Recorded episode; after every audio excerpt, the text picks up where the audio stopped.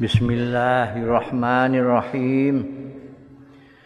Qala al-muallif rahimahullah wa nafa'ana bihi wa bi ulumihi fid. Amin. Babu mukhallaqah wa ghair mukhallaqah. Bab sing wis dadi makhluk lan sing durung dadi makhluk. An Anas bin Malikin saking sahabat Anas bin Malik. Anin Nabi saking Kanjeng Nabi sallallahu alaihi wasallam. Kala dawuh sapa Kanjeng Nabi sallallahu alaihi wasallam Innallaha azza wa jalla. Stune Gusti Allah azza wa jalla Maha menang lan maha luhur Allah. Wakala masrahake nugasi sapa Allah birrahimi kelawan rahim. Malakan ing malaikat. Yaqulu sing ngucap ya malaikat sing matur. Ya malaikat ya rabbi nutfatan Ya Rabbi alaqatan Ya Rabbi mudghatan. Ya Rabbi duh Gusti pangeran nutfatan menika wonten nutfah. Sperma. Ya Rabbi alaqatan. Duh pangeran menika wonten alaqah. Biasanya nutfah dimaknani mani alaqah dimaknani segumpal darah Ya Rabbi mudghatan mudghatan disebut segumpal daging. Fa idza arada Allah tatkala ngersakake sapa Allah ayak dia khalqahu yen to mutus sapa Allah khalqahu ing makhluke Gusti Allah qala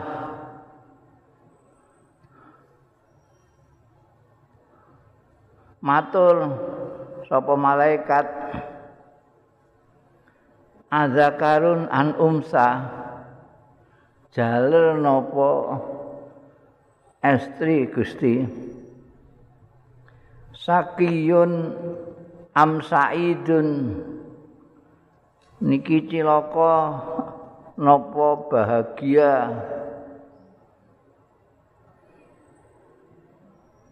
Fama arisku niku sepundi arisku tai rezekine wal ajalu lan ajale? Dijawab karo Gusti Allah fayuk tabu. Mongko dicatet fi batni ummihi ing dalem jerone wetenge ibune. Ya. Sing khalqahu sing wis dadi mau. Jadi hadis yang bersumber dari Sayyidina Anas bin Malik ini menyampaikan dawuh Kanjeng Nabi Muhammad sallallahu alaihi wasallam tentang proses penciptaan manusia. Ono hadis sing juga serupa dengan ini tapi dengan redaksi yang lain. Ini redaksi hadis yang bersumber dari Anas bin Malik ini. Kanjeng Rasul sallallahu alaihi wasallam memberitahukan bahwa Allah azza wa jalla itu uh, apa namanya menugasi kepada rahim yang ada di perutnya ibu itu.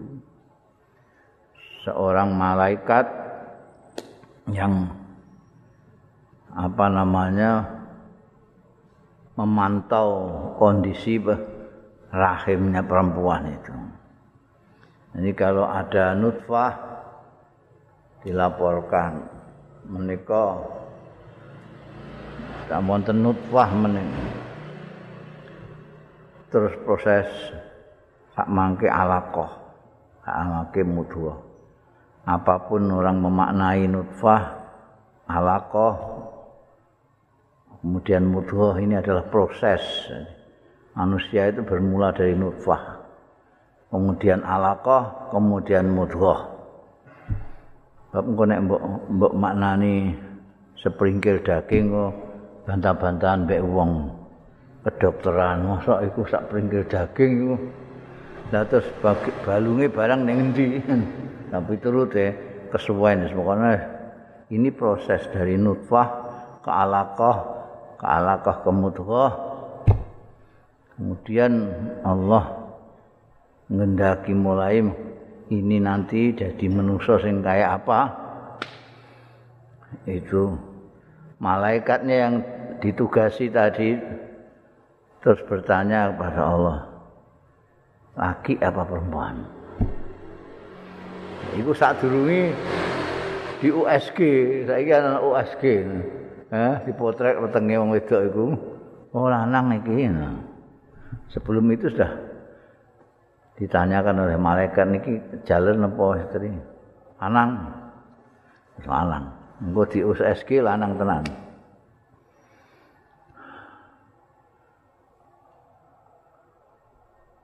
Iki nasibnya kayak apa ini ya iki cilaka apa bejo? Cilaka mbek bejo itu di dihitung di akhir ya. Bab cilaka itu ya ning kono ning ora ning swarga tapi ning neraka. Naudzubillah min dzalik. Sing bejo ya iku engko untuk rahmati Gusti Allah ning ngene swarga. Ini ning ini dunia nih bisa saja orang itu asalnya baik tapi terus buruk atau sebaliknya asalnya buruk menjadi baik. Tapi akhir nanti yang menjadi hitungan itu. Bahagia atau tidak bahagia rezekine piye? Jadi sudah ditentukan rezekinya ajalnya itu sudah. Kalau bahasa filmnya ada skenario sudah dibikin skenario nya ini orang laki-laki atau perempuan nasibnya baik apa buruk kiloko apa bahagia rezekine itu murah apa teplung apa seret itu sudah ada. Ajalnya juga begitu. Ini berapa umurnya ini berapa itu wis ada skenario nya nah nek ngoten lah nopo kok dadak anu barang golek rezeki barang niku sepundi lah nek temreko catetane rezekine cepet mbok sirah dinggo sikil sikil dinggo sirah wis tetep mboten entuk rezeki lah kowe ngertimu ning ndi nek ana ya Jadi kadang-kadang kita itu lupa terus ngomongnya kayak-kayak bener. Ya kalau saya sudah ditakdir anu melarat, ya ngapain saya berusaha kaya? Berusaha pun pasti melarat terus. Kalau saya itu sudah ditakdirkan kena covid mati, ya mesti kena. Kalau tidak tidak tidak ya tidak ditakdirkan. Kenapa pakai masker barang? Oh, ini kaya-kaya bener loh. Tur kaya-kaya, wah, mukmin sejati. Eh? Ahlu takwa. Wassalah. Tapi ini lali mikir itu. Kita itu nggak ngerti takdir. Tahunya itu kalau sudah terjadi. Takdir ini, itu nggak terjadi. takdire itu rezekine cepet atau tidak kalau sudah terjadi. Segini mati atau urip itu kalau sudah terjadi. Kalau belum ya tidak. Itu kalau bicara soal takdir. Sekarang kita bicara sebagai hamba. Hamba itu manut kalau Tuhan. Tuhan menyuruh kita ikhtiar. Jadi gue yang pasar. nek kowe ngerti catatane rasa ning pasar kowe temu-temu ae. Aku wis jelas roh skenario nih aku iki merasa nyambut gawilah mesti sugih. Temu-temu ae nek ngerti. Orang ngerti karena tidak ngerti kita pakai itu posisi kita sebagai hamba Allah yang manut aja kepada Allah. Dengan hukum Allah di dalam kehidupan manusia ini. ini kepengin waras ya ditambah no apa terus kue itu tidak usah tambah jadi terdiri kue mari mari dewe apa tidak suntik barang itu ini bicaranya orang sing rumongso ngerti takdir orang ngerti didawui supaya berobatnya sing dawui Kanjeng Nabi, Kanjeng Nabi saka Gusti Allah. Ikhtiar itu urusan kita. Takdir urusannya Gusti Allah taala. Ya, wis ditentokno. Nah, ini bicara ketentuan Allah taala. Yakti khalqahu. Yuktabu fi batni ummihi sudah ditulis sejak di awal. Sayange kowe gak ngerti ning catetane apa ning bathukmu iku nalika ning wetenge ibu itu. Jadi kamu harus menjalani kehidupan seperti lumrahnya kaulane Gusti Allah, makhluk Gusti Allah.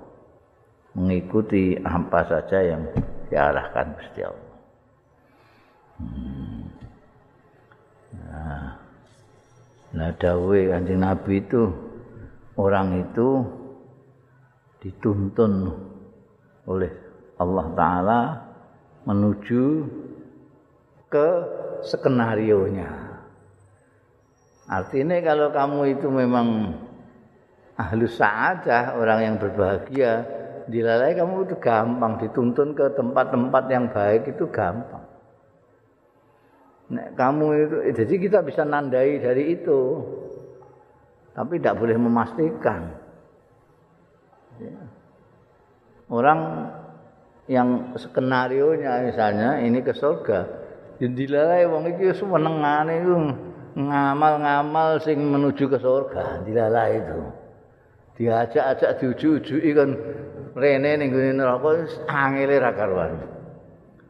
Sebaliknya nek ancene skenario nya ini di sakiyun ning naudzubillah min dzalik.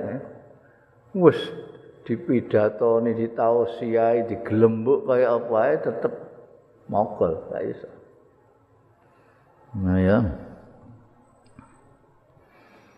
Babu fadli istiqbalil kiblah bab keutamaane madhep kiblat an anasin saking sahabat Anas meneh Seperti saya katakan sahabat Anas ini tidak kurang dari 10 tahun ngeladeni Kanjeng Nabi Muhammad sallallahu alaihi wasallam. Mergo dititipno karo Ummu Sulaim ibune kepada Kanjeng Nabi. Ini juga dari Anas bin Malik kala ngendika sapa Anas bin Malik radhiyallahu an kala dawuh sapa Rasulullah sallallahu alaihi wasallam umir tu diperintah sapa ingsun an uqatilan nas. Yen to merangi sapa ingsun an nasa ing manusa hatta yaqulu sehingga ngucapake yen nas la ilaha illallah. Fa idza qaluha mongko tekane wis ngucapna sapa manusa ha ing la ilaha illallah kalimah thayyibah iki wa sallu lan sembayang ya salatana ing salat yang seperti kita lakukan ini. Wastaqbalu kiblatana lan madhep ya nas kiblatana ing kiblat kita iki.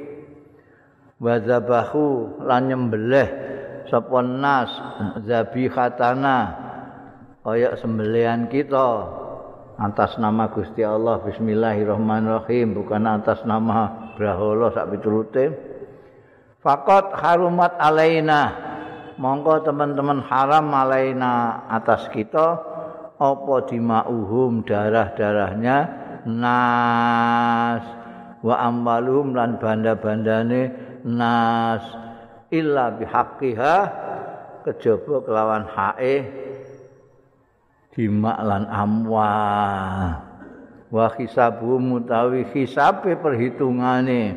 Nas iku alallahi ing atase Gusti Allah.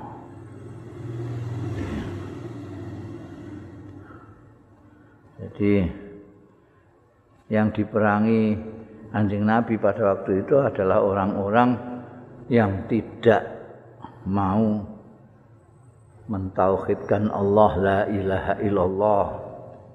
Ya tidak mengucapkan malah mengucapkan aja. Jadi orang kalau sudah mengucapkan la ilaha illallah itu sudah asomu. Sudah dilindungi darahnya dan hartanya. Tidak boleh disuya. Kalau sudah mengucapkan la ilaha illallah dan sudah sholat seperti kita madepe yo ning kiblat ora madep srengenge ngetan. Kalau nyembelih juga nganggo menyebut asma Allah. Kan kaya wong-wong kufar Mekah nyembelih di atas namakan braula-braula ne lata mbah uza itu nek ah. Orang wong Islam kan nganggo bismillah kalau sudah seperti itu tidak boleh diapa-apaan, tidak boleh dialirkan darahnya, tidak boleh diperangi, tidak boleh dibunuh. Itu mereka haram darahnya. Tidak boleh dirampas bandane, dihormati bondo lan darahnya. Ila bihaqiha itu maksudnya kecuali kalau dia mempunyai kesalahan, misalnya membunuh, maka dia dibunuh misalnya. Ya mencuri terus dihukum. Itu pihak ya tidak boleh. Dan itu yang melakukan adalah imam. Imam itu maksudnya sekarang pemerintah. Kadang-kadang terus wong itu ngawur ini. jadi semua hukuman dan segala macam itu yang ber, menang melaksanakan itu adalah penguasa imam ya enggak boleh Wana-wana sing rumah itu orang kaya murtad itu harus dipateni ngono. Mangsane anggere wong itu murtad cekel patenan enggak bisa. Yang mateni itu ya penguasa kalau memang harus dipateni melalui pengadilannya. Ini banyak yang salah tompo itu. Yus. Alaina dimahum. Jadi pemerintah namanya kanjeng Nabi Umir tu sing diperintahkan pertama kali kanjeng Nabi Muhammad sallallahu alaihi wasallam yang merintahkan perang dan tidak perang kanjeng Nabi Muhammad sallallahu alaihi wasallam. Nanti setelah itu adalah penguasa. Penguasa. Wa Amirul Mukminin, apa khalifah, apa presiden, pokoknya yang meneruskan Kanjeng Nabi Muhammad sallallahu alaihi wasallam. Nah, kalau ternyata nanti apa namanya ada juga orang yang mempunyai hak adam yang harus dia tapi ora konangan tak piturute itu urusan Gusti Allah disabuh Allah perhitungan nanti itu yang menentukan ini bersalah, ini tidak. Kalau tidak diadili oleh pengadilan ning dunya itu Gusti Allah. Kalau soalnya itu berkaitan dengan haknya Allah, itu biasanya kanjeng Nabi Muhammad Sallallahu Alaihi Wasallam itu memilih supaya menyerahkan kepada Allah. Jadi misalnya ada orang zino. Orang zino itu menurut hukum di dunia ini akan hilang dosanya kalau dia sudah dikhat zino. Nah, zino itu kalau zino muhsan dirajam sampai mati. Ini hukum dunia. Jadi kalau ada orang zina sudah dirajam, dosa hilang. Tapi itu haknya Allah. Kalau tidak dirajam, ya kisabuhum Allah, terserah Gusti Allah.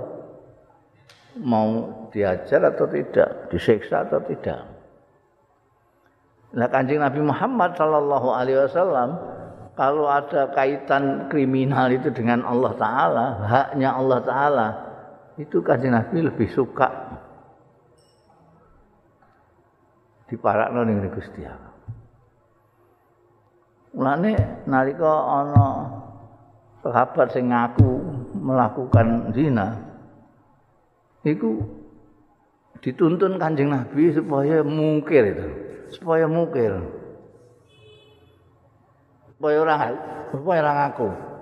Maksudnya ben gak dihukum ning donya. Ora dirajam tapi diserahno karo Gusti Allah. Nek dijaluk nang ngapura, Ndeknya Ngapura Gusti Allah Ghafurur Rahim. Bisa jadi di Ngapura. Kanjeng Nabi tidak ingin dihukum Hindu. Karena itu hukuman zina itu bisa terjadi dengan persyaratan yang sangat berat sekali. Boleh dikata mustahil. Mustahil ada orang sampai dikenai hukuman rajam mustahil. Oh, persyaratannya itu harus ada saksi empat yang melihat persis semua empat ini persaksiannya sama. Itu apa iso? Nek zinane ning pasar. Ning pasar mungkin lebih wong papat ya luweh. Bisa ngerti kabeh persis. Tapi kalau tidak di ah, enggak bisa. Mulane ana praktek rajam itu karena ada yang ngaku kayak Kanjeng Nabi. Wis diwarai Kanjeng Nabi untuk mungkir barang. Mungkin kowe mau ngeloni tok. Mboten. Diwarai kanjeng Nabi supaya anu enggak kena hukuman ini. Dia memang kepengin dirajam, kepengin dihukum ning dunia ini. Tujuannya supaya sudah bebas. Enggak punya ganjelan nanti itu di sana tidak dihukum, sudah tenang. Tapi kalau tidak dihukum ning dunia itu masih dak dikduk. Ya nek di ngampura Gusti Allah, ya nek ora. Nah ini berbeda baik kanjeng Nabi. Kanjeng Nabi sangat khusnuzon baik Gusti Allah. Gusti Allah itu di ngapura. Ya, ya. Wa kisabuhum ala Allah. Nah sekarang orang-orang yang mengkritik hukuman perzinaan dalam Islam itu dia itu mengira kejadian pada zaman kancing Nabi, zaman sahabat itu dibuktikan dalam pengadilan. Tidak, itu pengakuannya yang melakukan sendiri. Tidak ada. Ceritanya orang dirajam karena saksi empat. Tidak, tidak ada. Tidak ada ceritanya. Karena itu sulit sekali. Kalau ada yang dihukum rajam, pasti pengakuan yang bersangkutan. Ya. Babu taswiyati sufuf. Bab menyamakan, menyesuaikan, meluruskan barisan. Laki-laki an Anas bin Malik radhiyallahu anhu. Kala ngendika sapa Anas bin Malik uki mati salat wis dikomati apa salatu sembahyang kot komati salat kot komati salat fa akbala alaina mongko madhep alaina ing atase kita para sahabat jamaah ini sapa Rasulullah Kanjeng Rasul sallallahu alaihi wasallam biwajihi kelawan wedanane Kanjeng Nabi sallallahu alaihi wasallam. Faqala mengko dawuh sapa Kanjeng Rasul sallallahu alaihi wasallam, "Akimu jejeka sira kabeh ya. Akimu jejekno sira sufufakum ing barisan ira kabeh." watarasu lan rapat rapat rapat nasira kabeh fa inni arakum monggo sune ingsun iku arakum pirsa sapa ingsun ing sira kabeh min warai zuhri saking gurine geger ingsun eh aja pating selingkrah ya aku ngerti lho senajan aku ngungkuri ngerti ya eh lurus. Ini kan Nabi nek wis umat mau mulai sholat selalu menghadap jamaahnya. Kadang-kadang malah ditoto kanggo astane. Eh sing lurus sing lurus. Hmm. Jadi memang seperti pernah saya katakan pasafatnya sholat itu ya kayak asabatnya kehidupan. Jadi imam itu kayak panglima, pimpinan, makmum ini rakyat. Dan kalau sudah apa jenenge menghadap Tuhan itu menjadi satu barisan yang tidak pating selengkrah, semuanya rapi, tujuannya satu, hanya Allah Subhanahu wa taala. Nah, selalu diingatkan oleh Kanjeng Nabi supaya jejak supaya lurus. Kayak ketika Kanjeng Nabi menjadi panglima perang di dalam perang membariskan pasukannya rapi. Ya, ketika perang itu mereka tidak meninggalkan sholat, tetap sholat, tapi dengan cara yang lain yang disebut apa namanya perang dalam kondisi khauf. Salatul khauf itu adalah perang yang mengkhawatirkan diserang musuh satu saat. Itu ya digawe, ya. ditoto demikian rupa. Nanti masih depan di sini yang rukuk anu anjing Nabi dibagi ada yang ikut kanjeng Nabi di belakang belum nanti ini digelek ini mulai ruku supaya ada yang ngawasi kalau ada musuh datang ya. ini dilatihnya dalam sholat sudah terlatih mereka karena sudah biasa kompak itu sudah ya. tambah ini tambah ini sudah tidak kompak. Biar ini nek sholat, anjing Nabi ruku, Allahu Akbar, ruk. Kalbun yanil masuk. Sami Allah. Allah. Wah. Jadi mengerikan orang musuh-musuhnya anjing Nabi lihat orang sholat itu sudah ngeri. Karena karena saya ini kan pating selingkrah. Enggak karu-karuan. ora terima diluruskan ngisor dikai garis. Dhuwur kadang-kadang dikai rafia ditulisi soft. Isih mblingkrah-mblingkrah. Wong saiki. Mergo apa? Mergo atine wis mblingkrah-mblingkrah.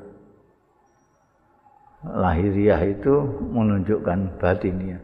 Orang Islam sudah tidak bisa jadi siji atine. Sehingga sikapnya pun tidak bisa satu.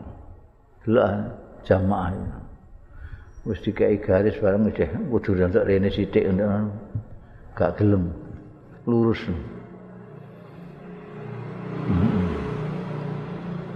Ana bolong-bolongan kene isih bolong kene wis anek wong ngono.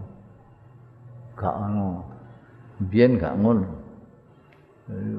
wabeh penuh lagi Saiki nek ngene Mekah Madinah barang kuwi ya ngono iku. Tekone awal barang tapi linggih ning guri. Tekane guri njaluk ning arep. Dadi nglompati sirahe wong barang ngono. Wong zaman akhir pancene sing ngono kuwi. Ora iso tasfiyatus sufuh. Babu julilatil juilat liyal artu masjidan. Bab didadekake li kanggo ingsun apa al ardu bumi didadekake masjidan ingkang dadi masjid.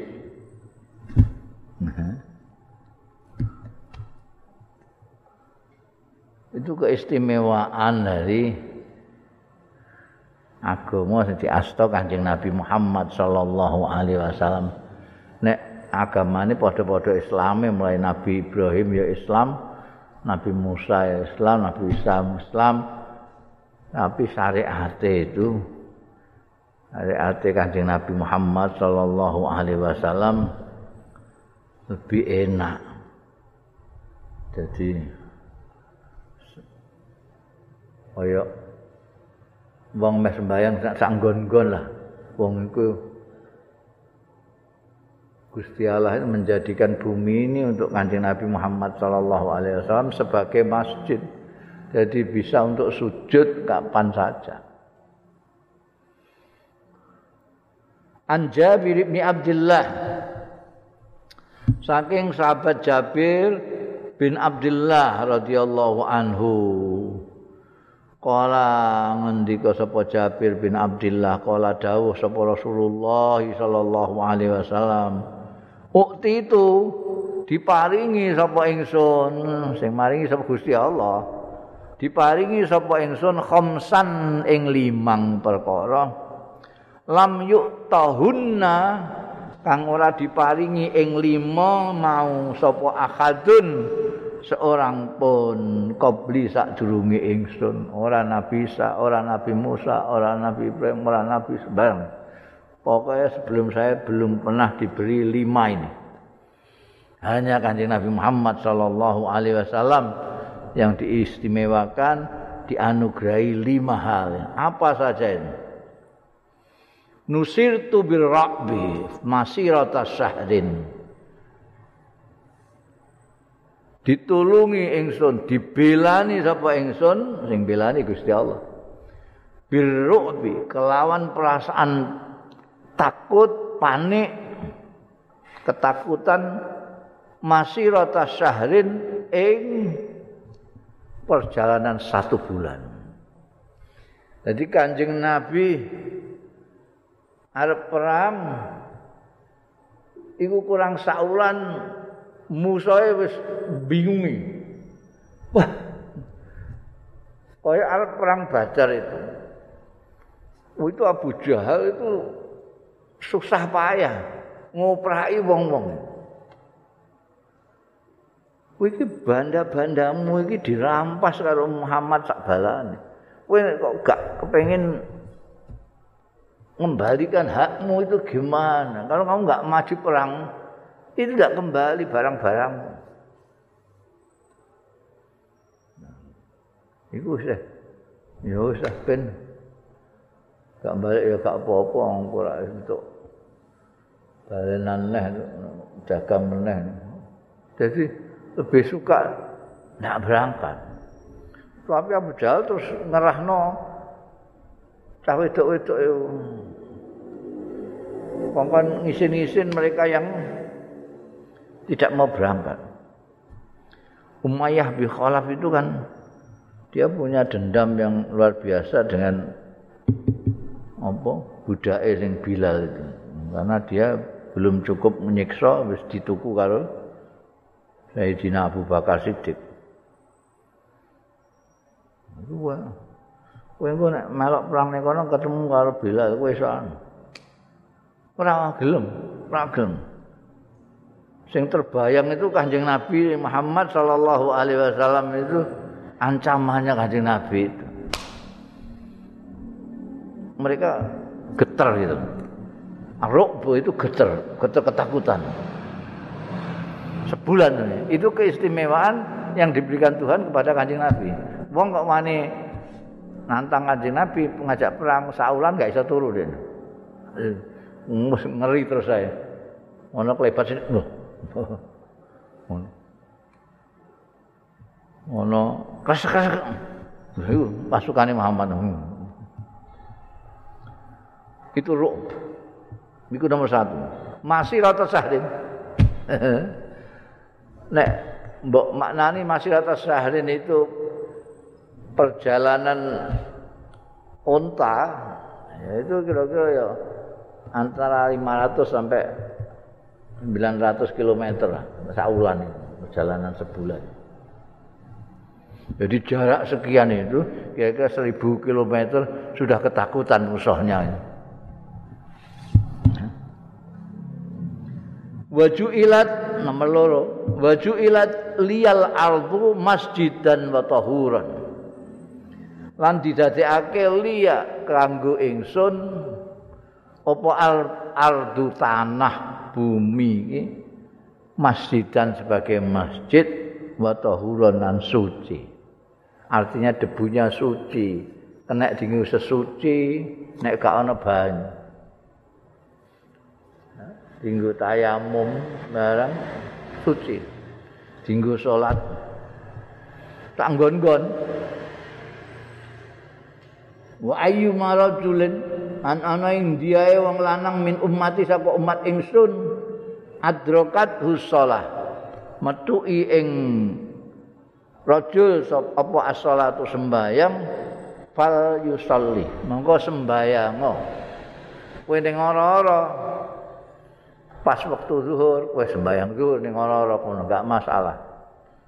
Ning sawah pas salat kowe bisa langsung salat fal yusalli. Baik. Karena semua itu masjid. Nah, ini dinggo dalil juga ning gone wong-wong anu nalika pandemi iku masjid itu ada bangunan tempat sujud. Padahal kita itu tempat sujudnya semua tanahnya Gusti Allah ini tempat masjid semua itu. Masjid apa saja kamu ketemu dengan waktu sholat, sholat situ. Kali salli. Itu keistimewaan. Dulu tidak bisa. Orang-orang sebelum kanjeng Nabi Muhammad Sallallahu Alaihi Wasallam kok mau beribadah, mau sholat ya di tempat ibadah. apa itu wihara, apa itu gereja, atau itu biara, pokoknya apa itu pura, itu harus di tempat ibadah. Kalau umatnya kajian Nabi Muhammad itu di mana saja. Ayu marajulin min ummati adrokat husalah fal yusali. Tidak usah ngantai ini masjid itu, gak ada masjid belas ibu Oh, tidak harus di masjid. Biar saiki nek ning Indonesia sak anggar telecek-telecek ya masjid itu. Eh, situ pirang-pirang banget gak ana negara sing kaya Indonesia masjid itu ating telecek hampir. Ya belakangan aja. Biyen itu isih ana daerah-daerah sing gak ana masjid, wong golek masjid kangelan. Terus gak salat itu salah. Mengkarek sembayang ning sawah ya iso. Ing ratan ya iso. Mergo ju'ilatil ardu masjidan wa tahuran. Kemudian berikutnya wa ukhillat liyal ghanaim. Lan dihalalno liya kanggo ingsun apa al ghanaim ghanimah ghanimah rampasan-rampasan perang. sing biyen lam tahil walam tahillalan ora halal ya gunaim li ahadin kanggo seorang pun qabli sadurunge ingsun. Sebelum Kanjeng Nabi Muhammad sallallahu alaihi wasallam ghanimah itu tidak halal pada waktu Kanjeng Nabi Muhammad sallallahu alaihi wasallam ghanimah itu halal niku sing manakno terus apa? Sahabat-sahabat sing asale melarat-melarat iku tanpa modal ning mangkat ning Madinah kok Mekah itu meninggalkan rumah, meninggalkan toko, meninggalkan warung, meninggalkan segala macam tanpa apa-apa. Itu kemudian menjadi bergerak kehidupannya jadi sejahtera karena ketika perang untuk ghanimah itu. Kemudian itu mau iji loro lalu wa utiyat wa utitu apa kok dikai harokat barang? Wa utitu lan diparingi sapa ingsun? As-syafaata ing perkenan syafaat. Hak memberikan syafaat. Kanjeng Nabi bisa. Mulane kayak biyen kisah kan pada waktu yaumil fazail akbar itu kabeh do Nabi Adam, Nabi Adam ndak kersa mbak iso bantu, Nabi Nuh gak iso bantu kabeh. Kabeh menunjuk Kanjeng Nabi Muhammad sallallahu alaihi wasallam. Karena Kanjeng Nabi Muhammad sallallahu alaihi wasallam itu memang diberi keistimewaan untuk memberikan syafaat termasuk syafaatul uzm. Itu hanya Kanjeng Nabi yang diparingi. Ya. Syafaat itu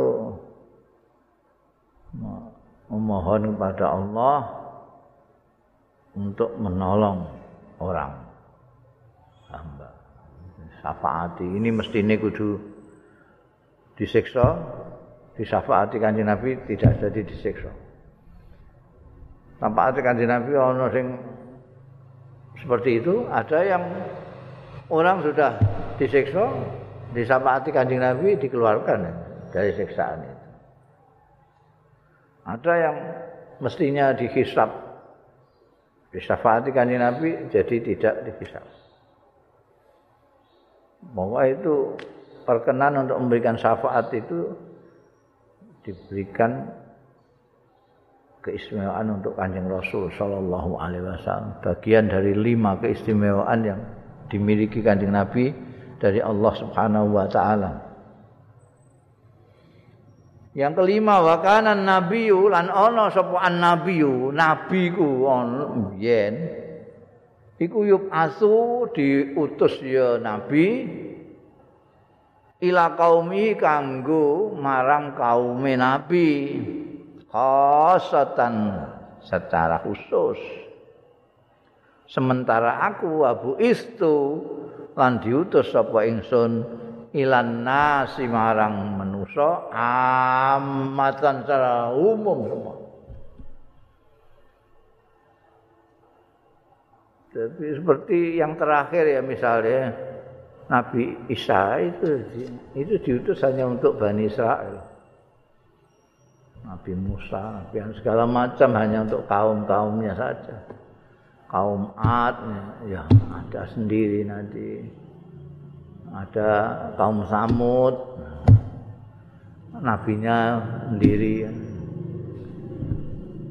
Tapi kanjeng Nabi Muhammad Shallallahu Alaihi Wasallam untuk semua. Meskipun turunnya lahirnya di Arab kitab yang sampai kepada kanjeng Nabi bahasa Arab tapi misi yang ditugaskan kepada kanjeng Nabi Muhammad Shallallahu Alaihi Wasallam adalah untuk semua umat manusia, bahkan jin alami. Nah, ini dilalah bahasa Arab yang sebetulnya begitu sulit. Itu ketika menjadi bahasa Al-Quran, itu aneh bin ajaib.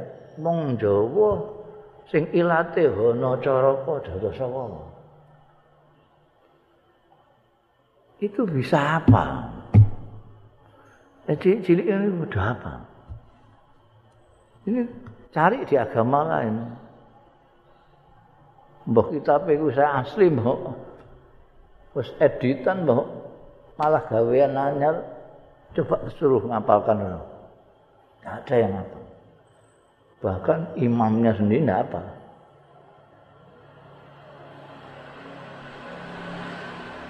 Padahal mereka itu kitabnya itu diterjemahkan dalam bahasa daerah setempat. Jadi kene yo Injil ku ana Injil Jawa, ana Arab. Injil Arab itu koyo Quran. Jawa nek gak roh Jalani kitab suci Al-Quran. Ya. Sementara Al-Quran itu itu tidak diterjemahkan di mana-mana ya Quran ya itu. Apa neng Cina sing ora iso muni apa? Ra apa ning Jepang sing gak iso muni L? Apa sing ning Jawa Indonesia sing ora iso muni ain muni dot? Iku iso kabeh. Wong Jawa kan gak duwe dot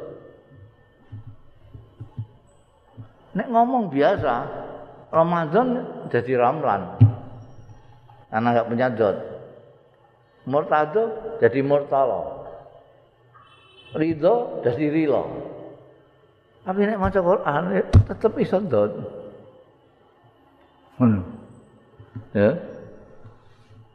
Karena kanjeng Nabi memang diutus untuk ke semua. Mempelajarinya juga mudah. Beda kowe mempelajari kitab-kitab sing liyane Quran. Padahal nek cara dilihat dari sastranya, Al-Qur'an itu sastranya tinggi sekali. Mestinya itu kan ya kayak itu. Kayak kitab Alfiyah sing gramatika bahasa Arab itu. Itu nek ning Mesir barang itu, itu tidak diajarkan gini sanawiyah, pemenai ibtidaiyah tidak ada. Itu sudah di perguruan tinggi. Itu itu saja sudah yang takhasus sudah. Takhasus. Ngomong Arab kok apa alfiyah itu berarti dia sudah takhasus sudah.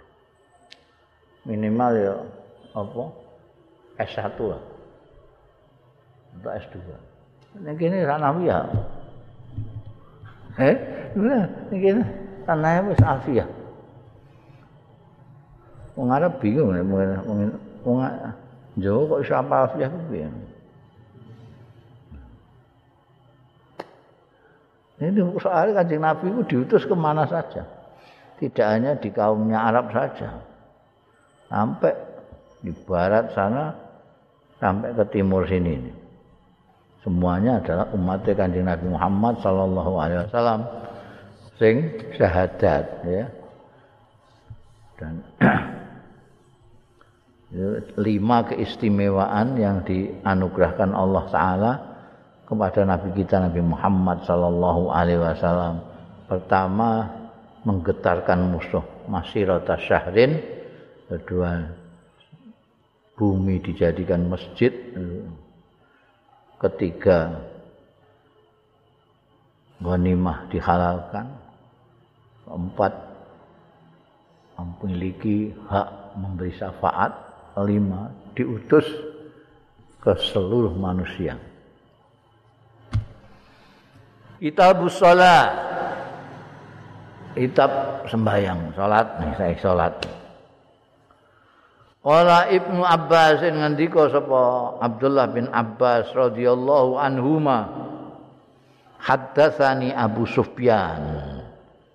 Nyeritani ing ingsun sapa Abu Sufyan Abu Sufyan fi hadis Hirakla ing dalem ceritane Heraklius.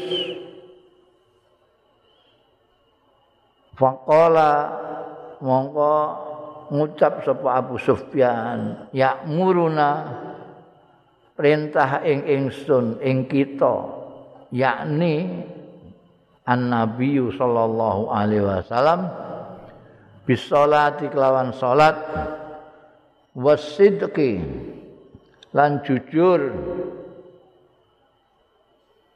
wal afafi lan menjaga kehormatan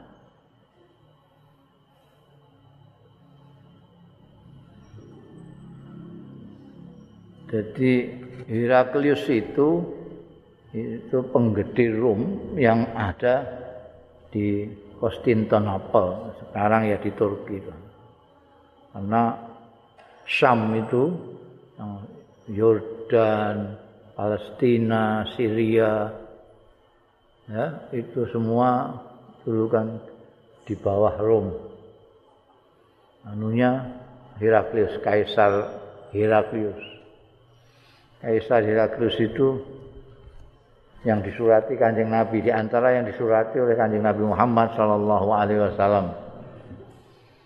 Yang nah ini suatu ketika ada rombongan dari Mekah ke Syam. Seperti diketahui bahwa orang Mekah itu kalau berdagang kulaan saat piturute itu ke Syam dan itu mesti lewat Madinah. Karena itu terjadinya perang Badar itu akibat itu kan. Ah, siapa namanya? Uh, Abu Sufyan ini membawa untan-untan ir yang akan berdagang ke Syam. Membawa produk kulit-kulitan dari Mekah dijual di Syam.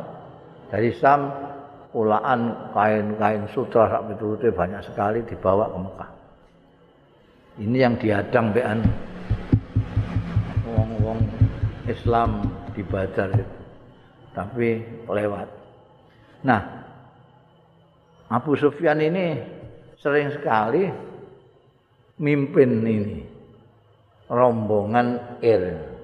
Ada dua rombongan untan-untan yang disebut Ir itu untan-untan dagang, yang satu nafir, itu rombongan perang. Jadi kalau perang namanya nafir.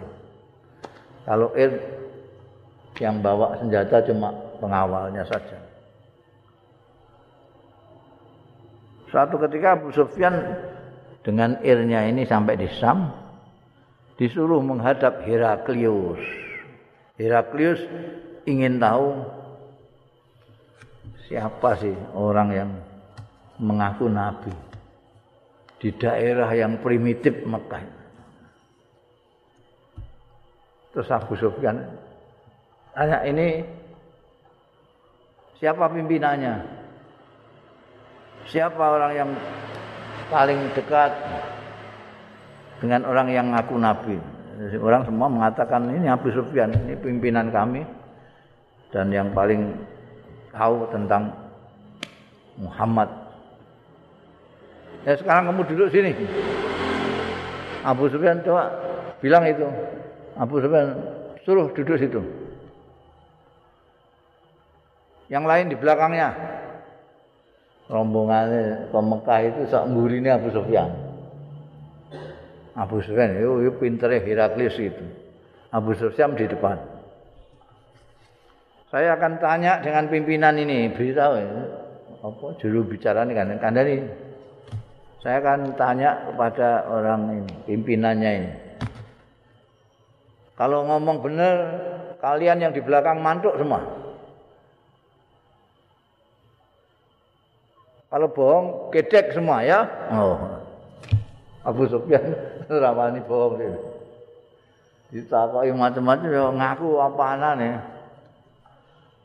Mergo dhek kuwatir, ngerti gue iku ndang gedek kan. Aku aku mbodoni dogede kabeh cilaka aku. Jadi dia jujur pada waktu menghadap Heraklius itu. Di antaranya pertanyaan-pertanyaan yang banyak itu antara lain ditanya, kamu itu disuruh apa sama orang yang ngaku nabi itu? Apa? Perintahnya apa terhadap kalian ini? Sufyan jawab, suruh sholat. Itu yang dimulai dengan tebir diakhiri dengan salam kanan kiri itu itu, itu yang diperintahkan. Kemudian disuruh bicara jujur nggak boleh berbohong nggak boleh berdusta. Dan disuruh menjaga kehormatan diri tidak boleh apa menistakan diri sendiri dengan perbuatan-perbuatan yang tidak baik. Anda hasil akhirnya Heraklius itu jane Heraklius itu mana yang ngono ya sesuai dengan kitab saya Nabi tenan tapi sekali lagi inal huda huda Allah itu ketika Heraklius sudah seperti ketika menerima surat dari kanjeng Nabi Muhammad Shallallahu Alaihi Wasallam itu aslim taslam. Itu sudah mau. Heraklius sudah menyatakan akan ikut. Tapi lagi-lagi ini bat bitonahnya ini orang-orang di dekat itu. Guando ya udah. Akhirnya ya itu kalah dengan gengsi gengsi ya anak buah ngandoki kabeh wis manut karo anak buah. Nah perhitungannya anak buah ini, lah kalau Herakles ikut Nabi Muhammad, terus kita ikut siapa? Nah, Herakles ya terus terpengaruh. Nah, aku asalnya saiki aku jadi kaisar ya. Engko nek melok kono tak aku rakyat aku. Jadi bangsa kayak Abu Abu Jahal kabeh lah. Mereka tidak iman bukan karena tidak percaya. Karena akalnya membenarkan. Cuma ada yang namanya gengsi. Gengsi itu yang banyak sekali membuat orang jadi juhud, angas bukan kafir. Angas. Enggak percaya mergo moh. Babu wujubis salati Allah a'lam.